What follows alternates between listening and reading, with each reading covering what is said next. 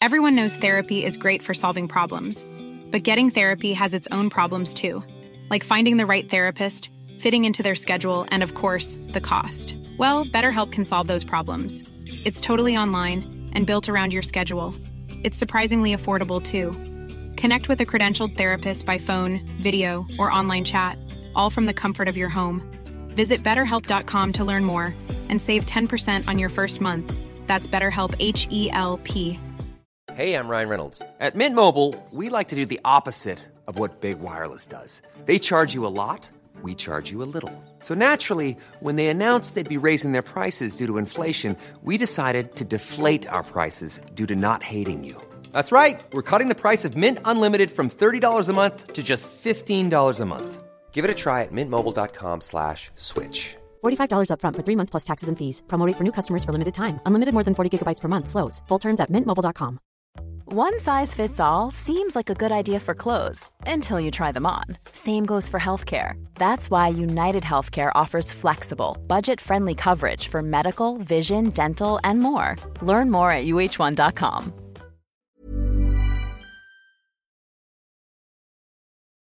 Gjenklang. For ikke så lenge siden så var loffer og landstrykere et hverdagslig innslag på norske veier. Loffetrekk gikk på kryss og tvers over hele landet. Nå er disse landeveiens riddere forsvunnet uten å ha satt så mange spor etter seg. Men kanskje Tor Gottaas kan fortelle hvordan de har endra Norge?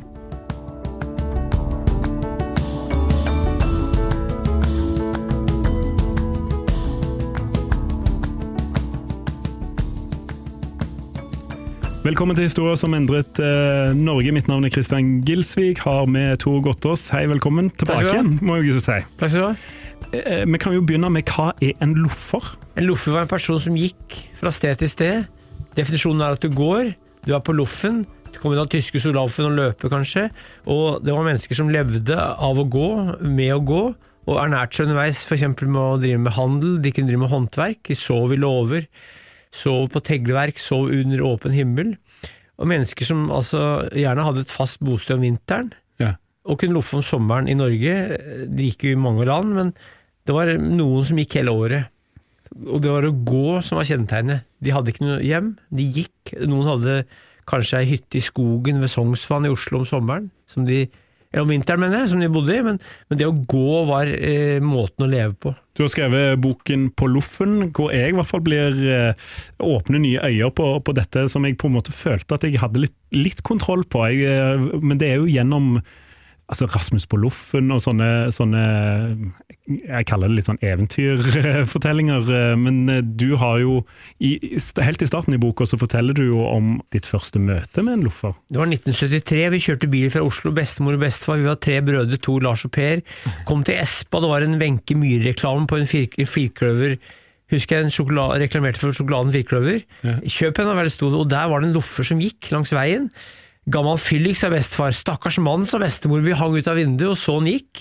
Og vi bodde langs eh, E6, ikke langt av E6 i Brumunddal, noen mil lenger nord, så vi eh, gikk jo ned på E6 for å se om vi så han gubben, og det var faktisk en finsk loffer som het Abraham, fant jeg ut senere. Oh, ja. Jeg så bildet av han. Det var en som hadde tatt bilde av han. Han het Abraham, var en finsk loffer som var i Norge, så det var han vi så i 1973. og Det glemte jeg aldri, men det var flere loffer i Brumunddal, for eh, vi så jo noen som gikk der hver eneste sommer utover mot 1980-tallet, og den siste jeg så, som var gammel loffer, var i 1982. Det var en kar som gikk med sykkel, men jeg traff også dansker senere. Møtte en danske for to år siden, han skulle gått i Nordkapp, et helt pilegrim, altså pilegrimer, men gamle loffere, den siste jeg så var på 80-tallet. Men Ja. det finnes fortsatt noen, altså, og det var jo E6, asfaltvei, gjennom Brumunddal sentrum. Da jeg vokste opp, gikk den gjennom sentrum. I dag går den utafor, og i dag går det ikke an å loffe på den nye E6-en. Du må gå på den gamle veien hvis du skal gå gjennom Brumunddal. Ja, ja for, for det hører jo på en måte litt med, med historien her at det, det var jo flere før, og det er nå så godt som ingen i Norge, i hvert fall ikke norske, sånn som jeg har skjønt det. Så å si ingen i Norge. Det finnes noen hundre i Danmark. De kalles vagabonder, og du Ja. kan se det i København. Du ser det på noe som heter Egerskog marked, hvor det er en kåring av årets vagabond hver eneste høst. Hvis du går på YouTube og slår inn på vagabonder Danmark, så er det masse, eller flere filmer om vagabonder i Danmark. De drikker en god del, mange er uføretrygda, men der er den tradisjonen, og den døde ut i Norge på 70-tallet. Vil jeg si, 1970-tallet, og hadde vært eksisterende i flere hundre år med norske vagabonder. Eh, ulike typer vagabonder, og de var over mesteparten av landet, men særlig på Østlandet og der det var mye veier, i Trøndelag og på Vestlandet.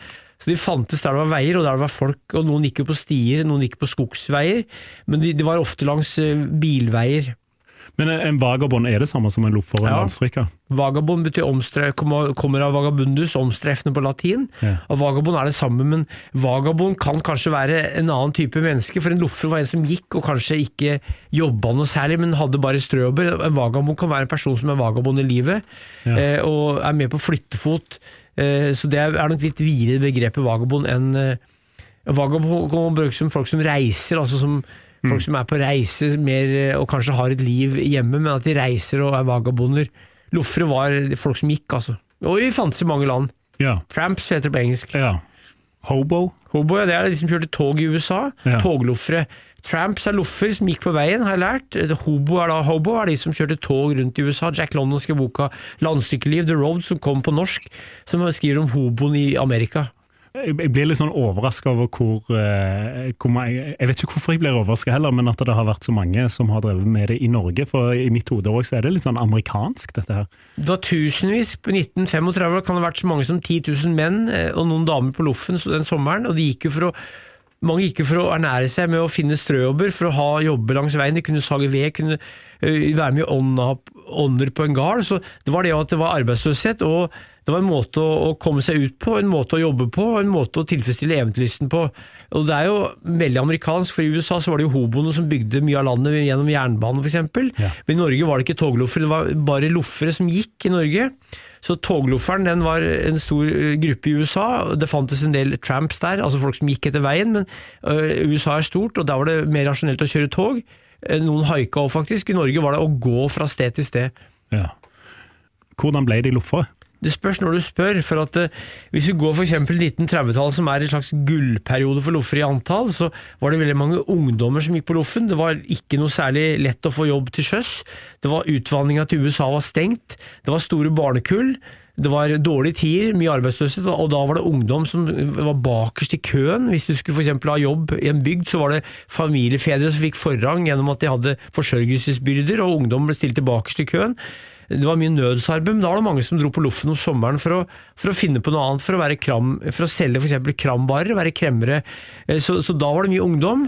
Men hvis du går til andre perioder, og 30-tallet for øvrig òg, så var det jo mange kan vi si, det som heter dropouts på engelsk, folk som falt utafor.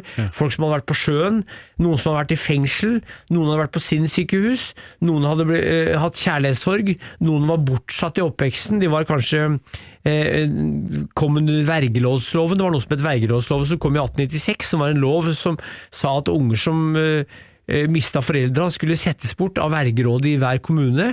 Og de ble ofte satt bort og kunne ha det ganske jævlig, og mange av de ble loffere fordi de havna utafor, hadde ikke noe fast fotfeste i tilværelsen. Så det var en del som falt utafor, og en del raringer, originaler. Folk som ikke klarte av vanlig arbeid, folk som ikke var sterke nok. Eh, Eh, original var en person som gikk ofte i en bygd eller en by. Det var gjerne folk som hadde bofast tilhørighet et sted. Eh, Noen originale gikk også på loffen, men originale var også en egen gruppe i samfunnet som var større enn i dag, tror jeg. De var veldig kjent, men de, ikke alle originalene gikk på loffen, men mange gjorde det òg. Så det var mye raringer på loffen. Mye håndverkere, mye rallare. Altså slusker, rallare, folk som var, eh, hånd, eh, som var kroppsarbeidere, som bygde jernbaner og veier, som ikke klarte kanskje å bygge og jobbe så hardt med hakk og spade. De begynte kanskje å loffe etterpå. Og det var òg tyske geseller, altså håndverksvenner. Eh, religiøse svermer fra utlandet, tiggere, eh, russiske sagfilere. eh, Var her før første verdenskrig. Det var tyske småorkestre, det var klesjøder som solgte klær og tøyer. Det var italienske lirkassemenn. Det var mange grupper som gikk etter veien, men lofferen var én bestemt gruppe, som helst var nordmenn. Altså Det var i tillegg andre grupper som gikk en loffer hvis du går til 30-tallet, kanskje 10-12 grupper som gikk etter veien for 100 år Ja. Men du, altså, eh, Hvis jeg skulle sett for meg et liv hvor jeg skulle vandre rundt, da, så måtte jeg altså, Det krever jo en må jo kreve en fysikk på et eller annet nivå, og den fysikken den var det ikke bruk for andre plasser. Hvis du går 100 år tilbake i tid, og da var arbeidslivet veldig krevende fysisk for mange Hvis du var kroppsarbeider så jobba du på en fabrikk, så var det gjerne 50-60 timer i uka, mye monotont arbeid ofte. Var du i skogen, var det på jordbruk, så var det veldig hardt, tungt arbeid, og ikke alle orka det, ikke alle klarte det. Og i stedet for å f.eks. ha da, et arbeidsliv som var veldig krevende fysisk, seks dager i uka, så kunne folk loffe. Eh, Og da var det ikke sikkert at du eh, syntes det var så hardt, fordi eh, mennesker for 100 år siden de hadde kanskje ikke sykkel, de hadde kanskje ikke en bil, de, hadde ikke, de var ikke vant til alt det bekvemme vi har i dag, så det å gå eh, og finne seg jobb, det var kanskje en mer behagelig tilværelse enn det vi kan tenke oss i dag. Eh, I hvert fall om sommeren. Det var kanskje fælt om vinteren, men da var det kaldt, og de som har vokst opp eh, f.eks. i 1890-åra, 1910-1920, de hadde helt andre forventninger til livet enn de vi har i dag. så for oss i dag så ville loffing vært sannsynligvis annerledes enn det var for 100 år siden, for da var det en, eh, en lang tradisjon i tillegg som var en utvei for de som ikke orka eller klarte å leve vanlig. Så det var nok et, eh, en, en kanal, en mulighet til å leve litt annerledes og være litt friere enn mange i samfunnet. Så jeg tror ikke at mange som gikk på loffen var romantiske og syntes det var fint, eh, men at det hadde mange ulemper. men at fordelene veide over eh, ulempene, særlig om sommeren, men at det var vinteren man kunne være helt jævlig, og da slo de seg mer i ro og bodde. Og noen satt i fengsel om vinteren bevisst, de gjorde brekk. eh, For å sitte i fengsel om vinteren, og kunne f.eks. sitte i ei celle da i tre-fire måneder og gjøre noe gærent om høsten. Ja, det hørtes jo lurt ut. Ja, og det var jo som da så loffertrekk, altså det var Ja. egne trekk fra Oslo-Drammen, Oslo-Stavanger var det lengste trekket, Oslo-Hamar, Oslo-Lillehammer, Oslo-Trondheim, Oslo-Østfoldbya. Oslo-Stavanger var det lengste trekket, og da gikk gutta ut fra Oslo om sommeren, eller um, i mars-april, da Lindahl begynte å kvitre. Så gikk de nedover kysten, Drammen og langs sørlandskysten, og kom kanskje til Stavanger i oktober-november. Og kasta en stein i gullsmedvinduet, ble arrestert og sendt gratis hjem til Oslo. Så det var en fast rute, altså, og da, og da satt husmødrene klare om, om våren med mat. Det kunne jo passere opptil 1000 loffere forbi et hus. Det fortelles at det kunne ha fem eller ti besøk om dagen, gjerne to-tre menn sammen, og da smørte husmødrene matpakker til kara som lå klare. Brødskiver gjerne med kjøttpålegg og mjølk og drikke, eller noen ville foretrakk kaffe eller brennevin. Så det var altså en, en skikk hvor de kom som trekkfugler hvert eneste år. Ja, og det, og, og det er her motivasjonen ligger, på en måte at du får mat og hus og liksom om nettene, fordi folk eh, tok imot loffere. Ja, hvis for eksempel jeg var loffer, eller du var loffer og kom til et hus, og da var det gjerne kona som tok imot deg, for mannen var enten på arbeid om dagen, eller kanskje borte på kunne være på sjøen, på tømmerhogst eller fangst eller hva som helst. Altså, ofte var det kvinner som tok imot lofferen, Ja. for de var hjemmeværende. Før var det noe som het husmødre. De hadde unger, kanskje sjuke foreldre, gamle slektninger som de passa i huset. Kvinner har jo omsorg, hadde omsorg, og da, da, da kunne de kanskje trenge litt saging av ved. De kunne kanskje trenge noe hjelp i, på gården eller på bruket. Mange hadde jo ikke gårder, men små bruk og husmannsplasser og arbeiderhus hvor de hadde stor hage. Så det var alltid noe arbeid du kunne gjøre eh, som gjengjeld for mat. Og da var det enten å sove kanskje på låven eller i uthuset. Ja. Eh, og, og, noen fikk jo Noen solgte jo ting, så det var det å bytte tjenester og bytte varer. Eh, og da var mat eh, særlig viktig for de her. Overnatting kunne du finne under åpen himmel, men mat var viktig. Men det du beskriver fra USA, at de bygde infrastruktur og sånt, hva, er det eksempler på det i, i Norge? Rallare gjorde det. Ja. Slusker ble de også kalt, og rallar er et svensk ord. Eh, slusker og rallar er det samme. Det er altså en anleggsarbeid som gjerne går fra sted til sted, så de var på loffen mellom anlegg. Kunne loffe fra anlegg til anlegg. Og så kunne de få ny jobb, og så kunne de loffe videre etter et år eller et halvt år eller etter tre måneder. Så det var mange som var på loffen i Norge òg, en del i hvert fall, som var med og bygde infrastruktur. Rallare spesielt. Men det var et eget slag. De var solide karer, sterke karer, flinke arbeidsfolk. En del av lofferne ble, ble sagt å være arbeidssky, og det var en ble sagt at det var en moralsk sykdom å være arbeidssky. Da var du degenerert, du var ikke ordentlig mann hvis du ikke gadd å jobbe. Så det var eh, en, en Og noen var, hadde fått i vrangstrupen, de hadde kanskje vært bortplassert på en gard og jobba 80-90 timer i uka, og fikk dermed fysisk arbeid i vrangstrupen, og, og klarte ikke eller gadd ikke å jobbe, og, og foretrakk å loffe og leve livet og ha det mest mulig behagelig uten å slite for andre. Dette høres jo veldig fritt ut, og det er en mennesketype også som kanskje ikke liker for mye system, men var det et system? Altså, du beskriver det jo som nesten et system at eh, husmødrene sto klare på, på våren, men var det organisert på en eller annen måte? Noen steder var det noe som heter fantefjøl. Fant er et ord som kan òg bety tater. Noen steder så var tatere og fanter det samme. Tater er en gruppe av mennesker som har vært i Norge fra hvert fall 1500-tallet, med familier som reiser både til lands og til vanns. Loffere og tater er to forskjellige ting, men felles er vandring. Noen steder var det noe som kalles fantefjøl eller husestav. Det var en stav som hver gard hadde i to uker, det var særlig på Sørlandet. Og den som hadde staven eller fjøla i 14 dager, skulle ta vare på alle som kom i bygda de 14 dagene. Det var noe som het Stoddekongen, Han var konge over de fattige. Ståter, fattig på dansk, han jagde de reisende.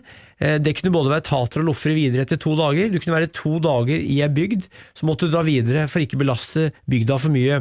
Så det var et system, og det var òg det kristen folketro mente, eller kristen nestekjærlighet mente at hvis du var i Norge, spurte om husrom, så skulle du gi hjelp til de som var trengende, for Norge er et kaldt land, det var mørkt her før strømmen kom, og hvis du gikk videre, kunne det være langt til neste gard. Så det var, det, var, det var mange grunner. Det var også i tillegg at å overtro folketro mente at hvis, hvis du kom og ba for deg, og spurte f.eks. om å få ligge på flatseng på gulvet, for mange jo, la jo halm på stua, eller de sov på låven dofra, eller halm på ø, stua, flatseng som det het. Så, og hvis du sa nei til det, så kunne Gud straffe deg med at f.eks. at huset brant eller at kua stupte. Hvis du nekta folk å gi, gi husrom, så kunne Gud straffe dem med at huset brant. Hvis du nekta å gi mat, så kunne Gud straffe dem med at f.eks. avlinga svikta, eller at kua stupte, eller at grisen ble sjuk. Det var mye folketro, kristen nestekjærlighet og ren godhet og praksis for at eh, Norge er og var et grisgrendt land. Hvis du gikk til fots, så tok det lang tid å komme seg videre ofte. Så det var rett og slett en, en funksjon, en, en praksis som hadde fungert i hundrevis av år, og som både loffere og de fastboende visste om, og de utnytta hverandre på sin måte. Altså utnytta De fastboende utnyttet ikke loffera, men de gjorde sin plikt, altså. Gjennom husmødre, særlig kvinnfolk. Men det at lofferne var klar over dette, utnytta de det, da? At de på Så klart, ja. Det var noe som het lofferslaff. Det var På kyststasjonen var det noe som het eh, lofferslaff. Da hadde tyske sto slafen og sove. Det, det var et egen, egen stue eller eget rom på, på skysstasjonen hvor loffera kunne sove, gjerne gratis. Og det var noe som het loffer, eh, fantefell, eller loffer, lofferfell. Det var egen skinnfell for de. Det ble sagt at loffere hadde lus og lopper, så det var egen skinnfell, kanskje egen seng, eget rom og egen stue på skysstasjonen for loffera. Så det, det var et system som òg fantes, ikke overalt, men mange steder. Det, og det visste Lofra om, for det var jo et nettverk. De hadde, de hadde jo tegnspråk. Loffer hadde et eget tegnspråk som de avmerka på telegrafstolpen, telefonstolpen på Skiggarden. I snøen, på, på bakken. Så de kunne orientere hverandre eh, gjennom tegnspråk og, og gjennom rykter og fortellinger seg imellom. Men det at eh, husmødre hadde en eh, overtro og en, en moralsk forpliktelse, kanskje religiøst, da, eh, om å ta, ta imot dette, var det noe sånn Ville lofferne da bevise at hvis du ikke Altså straffa de de som ikke tok de inn? Det er bevis, eller det er, det er eksempler fra 1800-tallet på at tatere har gjort det. Hvor f.eks. tatere har blitt nekta adgang til et hus eller en gard, f.eks. ikke fått mat, og så har de kanskje gitt noe gift til bikkja, så bikkja har stryket med. Eh, Det er eksempler på, Da er vi tilbake på 1800-tallet, og Eilert Sund som skrev flere bøker om tatere og beretninger om fantefolket, som man kalte det, men da er vi over på Tatra, altså ikke loffere. Eh, Så, eh, så de fortellingene som, kjennes, som jeg kjenner mest til, er fra om tatere, men det er et, egentlig- et egentlig annet emne. Det var nok ikke så problem med loffera, for at loffera var eh, ansett, og de gikk, gjerne til de husa hvor de visste at de fikk mat. Ja. De visste om det, det var faste steder. Ja. Så hvis de kom til ei bygd, så visste de hvor de skulle gå. Og det var gjerne småkorsfolk, gjerne husmødre, og det kunne være ugifte søsken, for det bodde gjerne tre-fire ugifte søsken sammen, for eksempel, på et sted. Og der visste de at de kunne overnatte, eller på et, i et uthus hvor de visste de kunne luske seg inn uten å spørre om lov. Og det sto en del tomme utløer rundt omkring. Altså Utlø er jo da låve hvor de samler fôr i utmarka. Eh, Det var mange tømmerkoier i Norge, nå skrev jeg en bok om norske tømmerkoier for øvrig, men det var mange tømmerkoier, så det var mange husværer rundt i Norge hvor det var mulighet for bare å gå inn uten at du trengte å spørre noen. Og Lofra de visste om det her, og hadde du vært på landeveien f.eks. i et år eller fem eller ti år, så, så visste du om det mulighetene som fantes. Så det, så det var nok lettere å orientere seg i det landskapet enn det vi kan tro i dag, men de snakka jo sammen seg imellom, da, og, og mange ville jo ha besøk av loffere. Det er masse eksempler på at folk sto med åpne armer da lofferen kom, med middag og med husrom, og, for da fikk de påfyll av historier og rykter fra landeveien. og Mange syntes det var artige typer, for loffere var jo ofte pratsomme karer som, som hadde vært rundt i verden eller i Norge og hadde mye å fortelle. Og mange av de husmødrene var jo fastspent i heimen, de hadde ku, de hadde som de måtte mjølke, de hadde unger de måtte passe på. De damer kom så ofte ikke bort fra heimen. I tillegg så trengte ofte kvinnfolk ting i husholdningen som lofferen eller kremmeren solgte. Så det var en eh, positiv eh, hvor de fikk noen historier av lofferen, og så kjøpte de noen småting, og så ga de noen penger, og så var det en utveksling av varer og tjenester, og så gikk de videre. Varer, tjenester og underholdning. Så klart, og rykter. Ja. Ja. Og, og fortellinger, altså. Før radioen og TV-en så var jo rykter veldig Jeg tok jo hovedfag folkeminne med spesialitet på rykter før internett. Det var jo Muntlige rykter var jo noe veldig viktig i samfunnet. Det er det fortsatt, men var veldig viktig før radioen og TV-en og telefonen kom. Ja. Eh, Mother's Day is around the corner. Find the perfect gift for the mom in your life with a stunning piece of jewelry from Blue Nile. From timeless pearls to dazzling gemstones, Blue Nile has something she'll adore. Need it fast? Most items can ship overnight. Plus, enjoy guaranteed free shipping and returns. Don't miss our special Mother's Day deals. Save big on the season's most beautiful trends. For a limited time, get up to 50% off by going to BlueNile.com. That's BlueNile.com. Hey, it's Ryan Reynolds, and I'm here with Keith, co star of my upcoming film, If, only in theaters, May 17th. Do you want to tell people the big news? All right, I'll do it. Sign up now and you'll get unlimited for $15 a month in six months of Paramount Plus Essential Plan on us. Mintmobile.com slash switch. Upfront payment of $45 equivalent to $15 per month. Unlimited over 40 gigabytes per month. Face lower speeds. Videos at 480p. Active Mint customers by 531.24 get six months of Paramount Plus Essential Plan. Auto renews after six months. Offer ends May 31st, 2024. Separate Paramount Plus registration required. Terms and conditions apply if rated PG. Everyone knows therapy is great for solving problems, but getting therapy has its own problems too, like finding the right therapist, fitting into their schedule, and of course, the cost. Well, BetterHelp can solve those problems. It's totally online and built around your schedule. It's surprisingly affordable too. Connect with a credentialed therapist by phone, video, or online chat, all from the comfort of your home. Visit betterhelp.com to learn more and save 10% on your first month. That's BetterHelp, H E L P. Cool. eh, var det loffer i hele vårt landstrakte land? Det var ikke så mange loffer i Finnmark og Troms, for der var det mest eh, båttransport. Men der det var veier, var det loffere. Særlig på Østlandet, men også i Trøndelag. De gikk òg helt til Stavanger, så der det var veier, var det loffere. Og for eksempel i Vestfold så kom ofte hvalfangere hjem eh, på en bestemt tid av året. Og Da hadde de mye penger, og da var de gjerne spandable. Da var det mye loffere som trakk dit. Ja. Og loffere trakk ofte gjerne til eh, mildere klima om vinteren. De kunne være f.eks. på Sørlandet om vinteren, eh, framfor å være i indre Østland. Så de bevega seg litt med været. Det gjorde de særlig i USA, og der var det mange som lot til Florida om vinteren og California om vinteren. Men Norge har jo ikke så variert klima som USA. men det var altså visse klimamessige eh, variasjoner, og noen hadde hytte f.eks. i skogen ved Sognsvann om sommeren hvor de bodde, eller altså vinteren, og så dro de ut om våren og var borte kanskje åtte-ni måneder. Så det var forflytninger, eh, og, og noen bodde fast. Eh, eksempel i jula kunne de ligge fast i 14 dager på kalkverket i Mjøndalen. For eksempel kunne det være 50 loffere på julaften. Ja. Eh, 50-60 mann er registrert på det meste der, Ja. samtidig, og to-tre damer. For det var mest menn, ca. 95% og mer var menn, altså. Det var en mannskultur, dette her. Hvorfor det? Fordi det var menn, de eh, er vel mer tilbøyelige til å vandre, de drives kanskje mer med en løffere, løffere livsstil. Damer kunne lettere få jobb med å være f.eks. tjenestepiker og ha et bosted, da ble de ikke hjemløse. Og det tiltalte ikke, ikke så mange damer å loffe, for det var jo et hardt liv. Mye dårlig hygiene, Ja. eh, eh, fri, kaldt, og kvinnfolk hadde lettere for å søke til jobber hvor de ble tjenestejenter og fikk et rom på en gard eller på et bruk, og der kunne det være et helt liv, eksempel. Mange var jo tjenestejenter et helt liv, og da hadde de maten og kosten og et sted å bo, og slapp å vandre sånn som menn gjorde. Når i livet blir du en loffer? Mange ble det etter eh, militæret, mange ble det så tidlig som konfirmasjon på 30-tallet, så var det mange, den unge vagabond, mange ned i 15-16-årsalderen, andre etter at det ble skilt, noen etter at de kom hjem fra sjøen, så noen ble det i voksen alder, altså 40-50 års alder, mens mange ble det i 20-åra, 30-åra, Ser jo for meg at det har vært loffere før denne perioden du snakker om nå. så klart. Og kanskje til så langt eh, tilbake som, som vi klarer å, å se for oss. Men hvis du tar det bare på 1700-tallet sammenlignet med 1800-tallet, hva er de store forskjellene? Er, er, det, er det de samme tingene som går igjen, når du forteller at det, det er en kultur som går over generasjoner? Det var nok det samme hvis du går til eksempel etter den store nordiske krig, som var fra 17 blank til 1721, så var det veldig mange vagabonder og loffer i Norge, og folk som gikk etter landeveien. Kristian den sjette var på kroningsreise i Norge, det var vel sommeren 1733, mener jeg.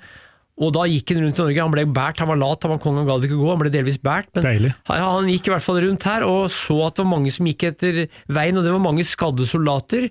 Mange krigsveteraner som var skada, kanskje kappa av en arm eller eh, var synlig handikappa. Og da ble jo tukthusene oppretta. I 1735 til 1741 ble det oppretta fem tukthus i Norge for å tukte folk til å sitte i fengsel eh, og lære seg å lese og skrive, for da kom skoleloven i var det, var det ikke 1739, hvor det ble obligatorisk å gå på skole i Norge.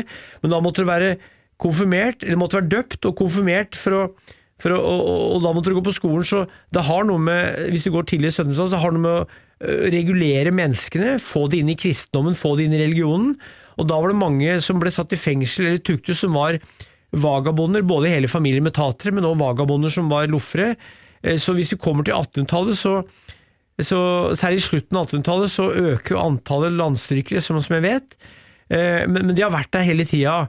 Eh, Men, men at eh, det var strenge tiltak mot de på 1700-tallet, og fram til 1860 så var det pass mellom ulike områder av landet. Så fram til 1860 måtte du ha et reisebevis for å bevege deg mellom ulike, ste- ulike deler av landet, ulike amt, altså. Amt. Og Det ble opphevet i 1860, men mange hadde jo falske pass. Men likevel var det strengere på 1700-tallet, etter de tukthusene kom, fram mot 1860, så ble det friere fram mot første verdenskrig. Og så, ble det, så kom det noen bevis, du måtte ha handelsbevis og bevis, så det var ikke like strengt hele tida.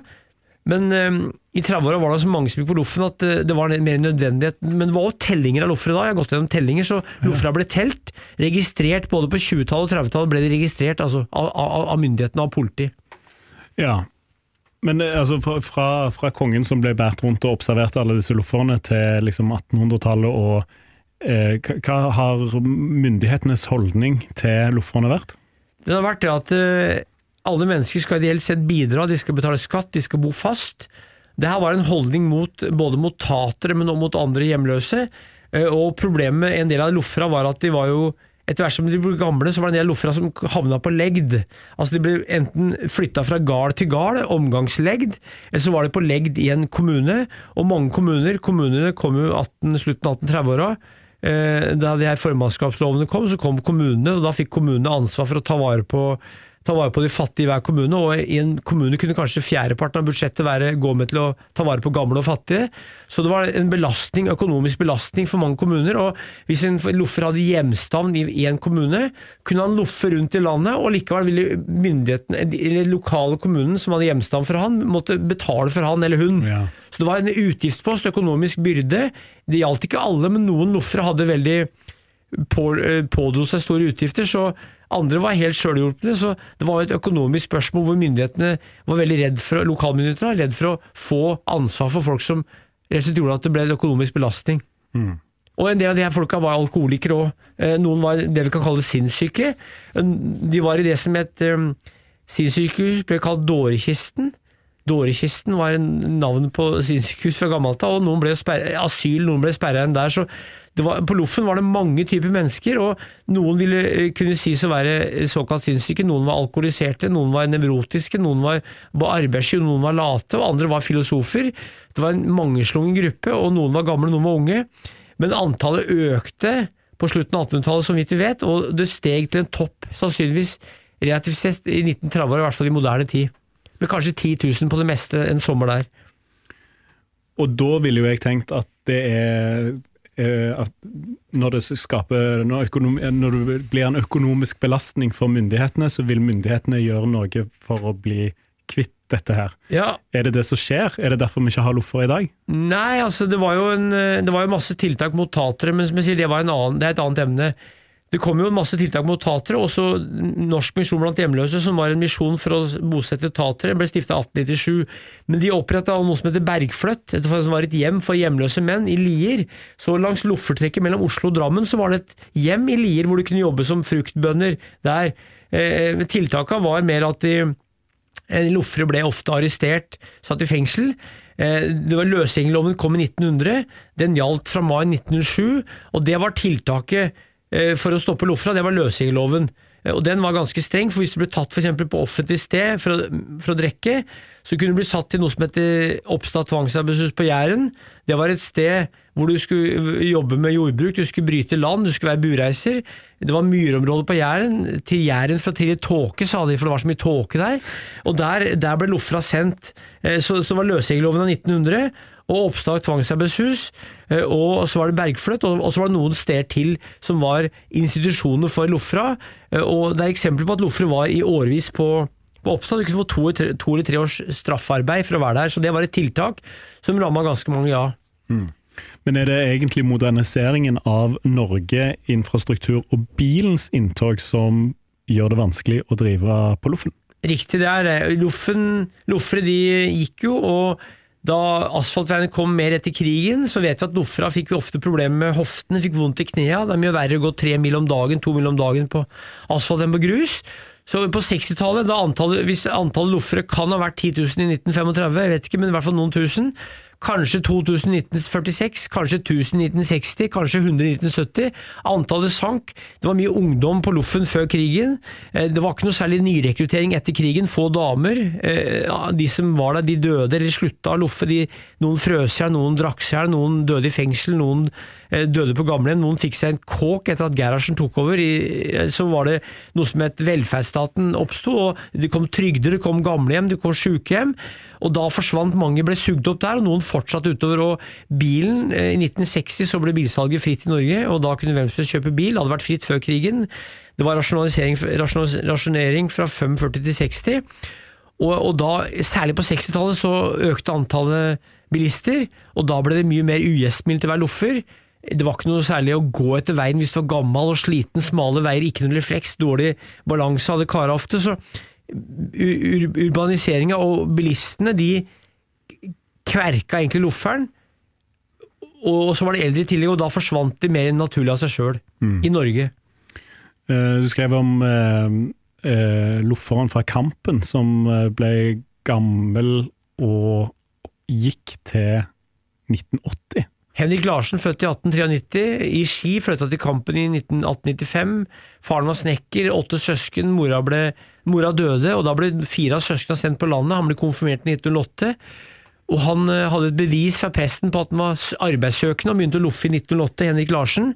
Og da, og da kom han til en bygd, så, så viste han det for lensmannen eller presten om at han var arbeidssøkende, og så fikk han jobb.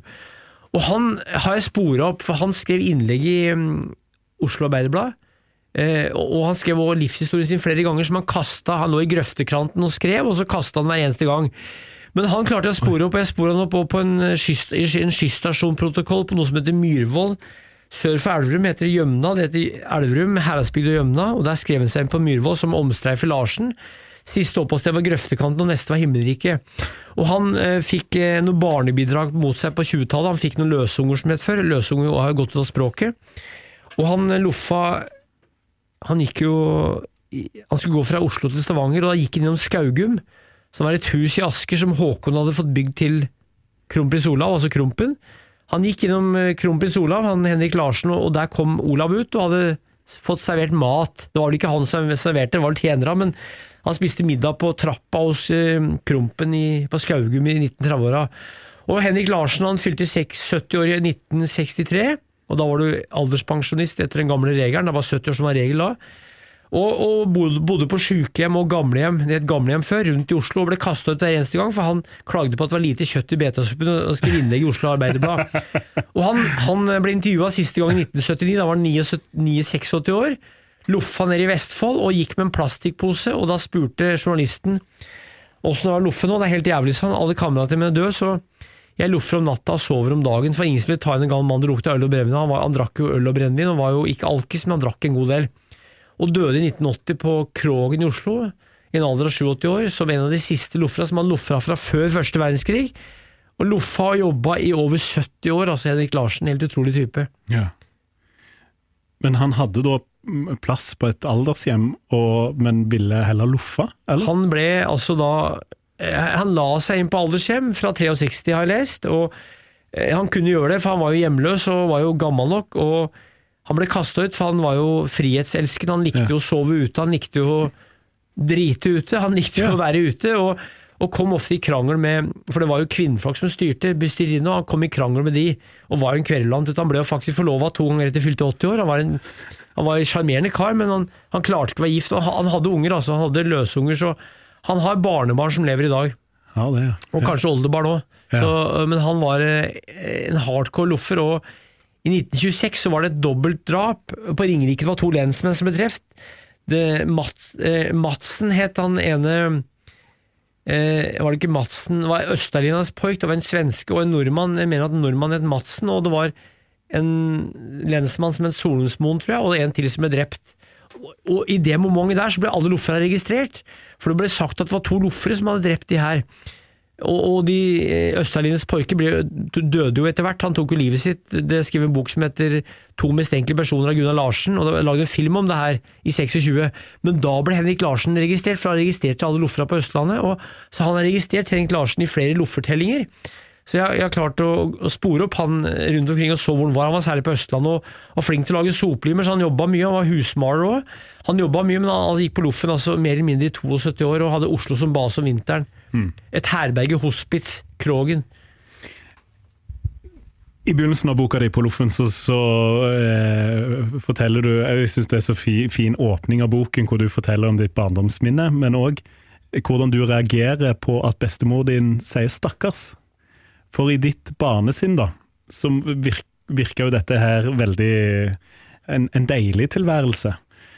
Og jeg opplever at det er en, en sånn Disse folkene som har vært ute, ikke nødvendigvis har blitt hele veien tvunget ut i denne tilværelsen. Det er noe de har litt sånn søkt litt etter òg, stemmer det? Ja, hvis du tenker at alternativet er å være bortplassert Hvis du f.eks. som en av loffer hadde vært bortplassert på, hos vergerådsfamilier, mm. på barnehjem, Kanskje vært i fengsel, vært på guttehjem, blitt banka, blitt prylt, blitt stengt inne i mørke kjellere fordi de hadde gjort noe gærent. Så var det å loffe var en frihet. Så eh, alternativet var kanskje å, å, ha noe som var, De hadde opplevd noe som var så mye verre, så de søkte mot det motsatte ytterligheten med frihet. Og får du først smaken på den friheten og er en viss type menn, så, så er det vanskelig å, å, begynne med noe annet. Du får en frihetstrang og en frihetselsk som gjør at du kanskje tåler mye kulde og smerte og regnvær og fattigdom, hvis du kan ha den friheten som du eh, fikk som en slags eh, narkotikum. Altså. Kjenner du deg igjen? Så klart. men jeg er jo ikke loffer, jeg. Men jeg er jo en loffer i livet, og jeg er jo fri mann. Jeg er forfatter og kan jobbe når jeg vil, og jeg, jeg jobber jo hver dag. Altså, men, så jeg, jeg, er klart det er en loffer i meg, og jeg har reist veldig mye. og mm. Det er ikke så lenge siden jeg var i Australia, så jeg har haika mye rundt i verden. Så det er klart jeg skriver jo ikke bøker om loffere. Jeg skriver, jeg skriver bøker om loffere fordi jeg er fascinert av det. og jeg, jeg, ikke, jeg, er ikke sånn overromantisk, men jeg tenker at hvis du er ung og sprek, hvis det er fint vær, så var det sikkert fint å være loffer noen år altså, av livet. Ja. Hvordan har lofferne endra Norge? De har sikkert gitt uh, oss uh, bevis på at du kunne leve på mange måter. De har gitt oss uh, Altså De som tok vare på Lofra, var jo veldig omsorgsfulle. Det var et samfunn som var mye fattigere enn i dag. Hvis du går til for 1922, så var nordmenn fattigere, men de hadde altså plass til å ta vare på de som falt utafor, og det var en gammel skikk. Da var det ikke så mange utlendinger i Norge. vet du. Jo, de som var her, var jo stort sett nordmenn. Det var jo svenske og danske loffer i Norge, og til og med tyske loffer òg. Men det var ikke så mange utlendinger, så de tok vare på sine, altså de som var nordmenn. Eh, og det var altså et samfunn som var eh, på mange måter ganske hardt, mye hardere og brutalt enn i dag. Samtidig var det mye hjertevarme, så sjøl om det var fattigdom, så hadde folk eh, mat å, å avse. De hadde kanskje eh, noe høy å sove i på låven, de kunne kanskje lage flatseng på gulvet, så det var en raushet i samfunnet som, som fungerte eh, med de midlene de hadde. og om ikke Lofra fikk penger, så fikk de i hvert fall mat og husrom og eh, litt menneskelig trøst. Så det, de viser at eh, vi tok vare på hverandre sjøl om vi var fattige, og det hadde folk gjort sannsynligvis til alle tider. Og et land som er så kaldt om vinteren, så mørkt om Norge om vinteren, og så, så værhardt som Norge, så må du leve sånn for å ta vare på hverandre i et samfunn som var sånn det var i gamle dager. Altså, I dag så har vi alle mulige bekvemmeligheter, men det hadde de ikke for 100 år siden. Da måtte du være god mot hverandre for å få samfunnet til å fungere. I hvert fall som en grunnholdning, altså selv om mange var jo plaga, og det var som jeg sier et hardt liv og det var mye strengt i samfunnet, mye strengere enn i dag, og mye mer, mindre mulighet til å komme seg opp kanskje sosialt enn det er i dag. og Velferden var jo bare en brøkdel av det er i dag, og da var loffere kanskje nederst på rangstigen, men de klarte å overleve, og de overlevde fordi folk var snille mot dem, mm. og hadde mulighet til å gi dem jobb. eh, med den frihetstanken som de hadde, klarte de å utfordre det som var eh, normene til myndighetene og samfunnet? Klarte de? provo- provoserte mange. Og det er klart det provoserte jo helt sikkert prester, det provoserte lensmenn. Eh, det at du ikke hadde fast jobb, at du ikke bodde et sted, det provoserte jo øvrigheta. Eh, mange ble fascinert av det, men det de ble fascinert av, blir ofte provosert av òg. Så det er eksempler på at eh, eh, eh, Stoddekonge, som jeg sa, som skulle jage loffere videre, at de har drept loffere. Det er eksempler på å ikke bli dømt for det. For det, det var personer som var litt utafor, nesten fredløse personer, noen i hvert fall, som kunne tas. Så det var provoserende, og de hadde kanskje møkkete klær, fillete klær. De ga, de ga blaffen i moderne Eller ga, ga, ga blaffen i mye kutymer. Eh, Væremåter, altså måten å te seg på og kle seg på. Men fikk du status som originale loffer, så kunne du kunne du egentlig oppføre deg sånn du ville, for da, da, var du, da var du fritatt fra det. Så bare du kom litt langt nok utafor, så var det stort sett aksept for det òg. Altså. Mm. Er det noe som minner deg om en loffer i dag? Bikere kan være litt eh, som Ja. loffere. Eh, backpackere eh, har en slags frihetstilværelse, men de er gjerne godt bemidla. Eh, har direkte kontakt med mora si gjennom en mobiltelefon. Eh, men, men bikere, kanskje. Eh, Noen idrettsfolk som lever veldig på reise, kan ha noe av lofferen i seg. Men eh, motorsykkel, eh, motorsykkelgjenger er òg litt fredløse. Men noen av de er kriminelle, så jeg vet ikke om de er lik lofferen, men typen fins altså. Og noen i dag som for eksempel er kanskje er uføretrygda eller som er tidlig pensjonister, kan leve litt som loffere, for de kan gjøre hva de vil, men da har de en trygd i bakgrunnen. Det hadde de ikke i gamle dager, da måtte de gjerne ernære seg eller ha et levebrød, det gjorde at de måtte gå, så det krevde en, og førte til en oppfinnsomhet. Så lofferen var ganske innovativ ofte. Han tenkte smart, han tenkte muligheter. Hvordan klarer jeg å, hvordan klarer jeg å ernære meg her? Mens andre var helt eh, så arbeidssky at de ikke gjorde noe som helst annet enn å tigge, men det var mindretallet, altså. Og hvis du ble gammel, så klarte du ofte ikke å ernære deg, og da kunne loffere komme på legd. Altså Enten være på gamlehjem eller bli plassert fra gard til gard.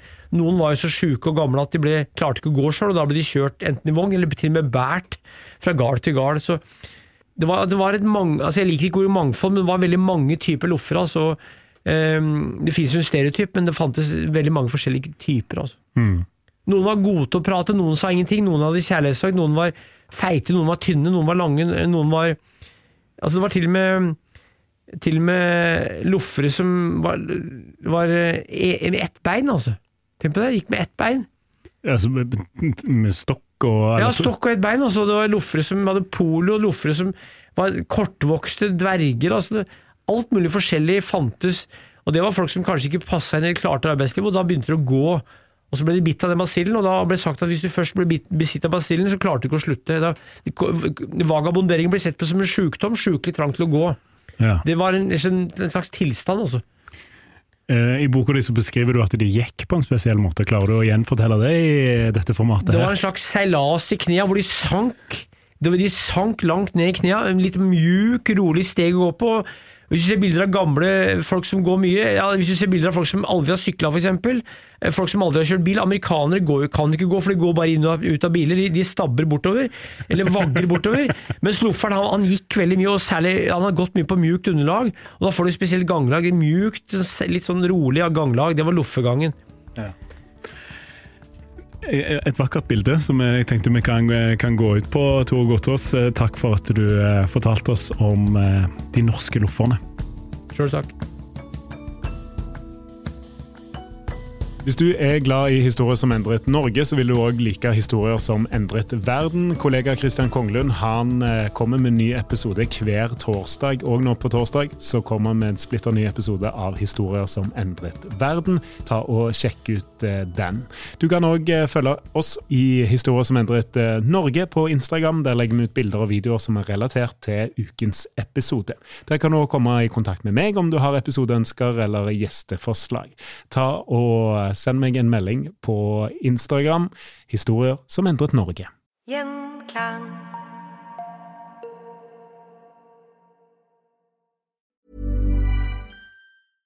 Imagine the softest sheets you've ever felt. Now imagine them getting even softer over time. That's what you'll feel with Bowl and Branch's organic cotton sheets. In a recent customer survey, 96% replied that Bowl and Branch sheets get softer with every wash. Start getting your best night's sleep in these sheets that get softer and softer for years to come. Try their sheets with a 30-night guarantee. Plus, get 15% off your first order at bowlandbranch.com. Code BUTTERY. Exclusions apply. See site for details.